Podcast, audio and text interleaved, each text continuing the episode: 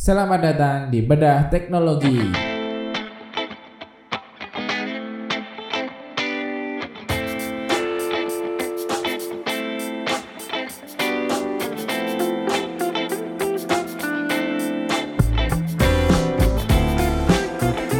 Pada episode sebelumnya kita telah membahas tentang versioning application ada tiga bagian mayor, minor, dan patch. Nah sekarang kita akan bahas lanjutannya. Mengapa sih? Secara rutin kita selalu direkomendasikan untuk memperbarui aplikasi kita.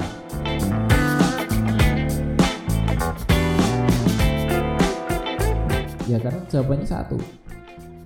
Jawabannya itu sederhananya aplikasi selalu diupdate supaya supaya ada penyelarasan antara teknologi dengan bisnis. Nah, itu jawabnya supaya selaras nih supaya sinkron. Supaya sinkron antara bisnis dengan teknologi. Ya.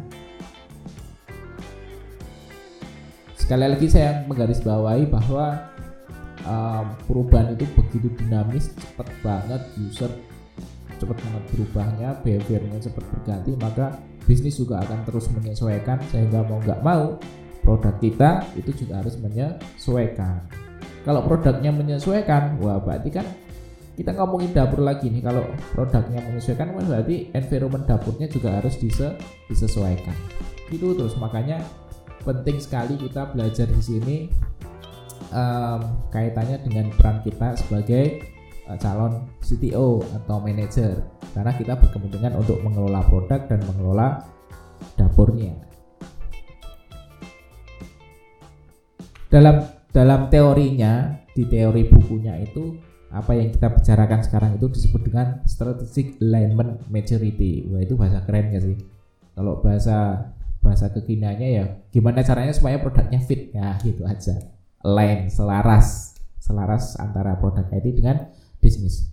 Nah berikutnya adalah apa sih tanda-tandanya kalau produk kita selaras dengan bisnis? Nah saya akan kasih 6 tanda organisasi dan produk IT selaras dengan bisnis. Yang pertama, kalau posisinya setiap divisi itu bisa saling mengetahui satu sama lain, bisa sharing knowledge itu tentang communication.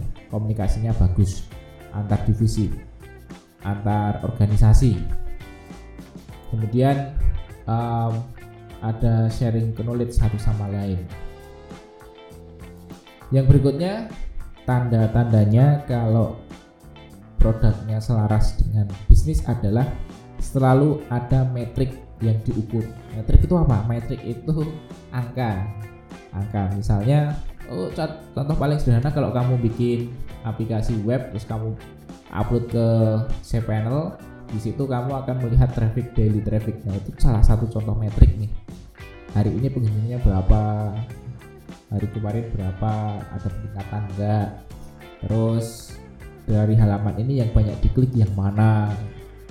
Dari sekian user yang login berapa persen yang akhirnya membuka halaman dashboard? Kemudian berapa persen yang akhirnya melakukan purchase sampai melakukan payment? Nah itu semua kan ada angkanya. Angka itu harus diukur supaya apa? Supaya supaya ter um, tertrack ya tertrack bisnis kita maju apa mundur kan gitu. Kemudian berikutnya tandanya adalah peran leader itu sangat penting ya. Jadi leader itu akan selalu memberikan strategi-strategi um, terobosan. Kan yang yang memiliki helikopter view kan bagian leader helikopter view itu tandanya dia bisa melihat dari beberapa komponen nih dari komponen marketing dari komponen produk dari komponen user dari komponen ini itu ini itu sehingga dia bisa melakukan business planning strateginya. Nah itu akan selalu dievaluasi kemudian di deliver lagi. Makanya di sini biasanya uh, bagian pimpinan atau leader itu dia setiap secara rutin dia akan mengevaluasi perjalanan bisnisnya. Terus berikutnya ada penyesuaian arsitektur secara teknologi ya ada penyesuaian arsitektur dan skopnya um, misalnya nih um, kamu bikin produk dan produknya itu oke okay, misalnya ketika membuat produk sederhana kamu cuma pakai bahasa pemrograman PHP, kemudian HTML dan ya biasa saja lah. Tapi begitu bisnisnya besar ternyata harus dikeroyok sama 5 developer secara bersamaan. Nah, di saat itulah kita harus memperbarui arsitekturnya supaya apa? Supaya supaya produknya itu nggak saling tumpang tindih kalau dikerjakan sama banyak orang. Ada tekniknya ada, ada. Mungkin kita bahas di beberapa episode berikutnya gimana sih membangun arsitektur aplikasi yang bagus gitu. Kemudian kan kita sering nih um, misalnya kita mau bikin satu aplikasi kita punya environment dua environment komputer nih ada PC sama ada laptop tapi harus nge-setup dua-duanya. Di PC gini di laptop juga harus di setup dan versi aplikasinya juga harus sama. PHP misalnya PHP-nya versi 5 atau pakai JavaScript versinya berapa. Kalau beda versi nanti nggak jalan. Nah itu gimana triknya sih supaya cukup setup sekali bisa jalan di semua environment? Nah itu ada ada rahasianya kemudian um, ada poin berikutnya skills. Apa itu skills? Tandanya kalau produk maupun organisasi IT itu lain atau selaras dengan bisnis ada um, ada skill yang selalu diperhatikan. Oleh siapa? Ya oleh semua tim. Selalu ada inovasi ada selalu ada entrepreneurship di situ. Kemudian ada culture yang menyenangkan culture yang selalu positif motivasi atau bahkan um, secara mental itu apa ya timnya itu ready untuk berubah dalam waktu yang cepat atau istilahnya itu agile Nah itu kan harus dipoles terus, harus di um, harus di bonding gitu ya, harus di harus dikasih tahu supaya timnya berimbang.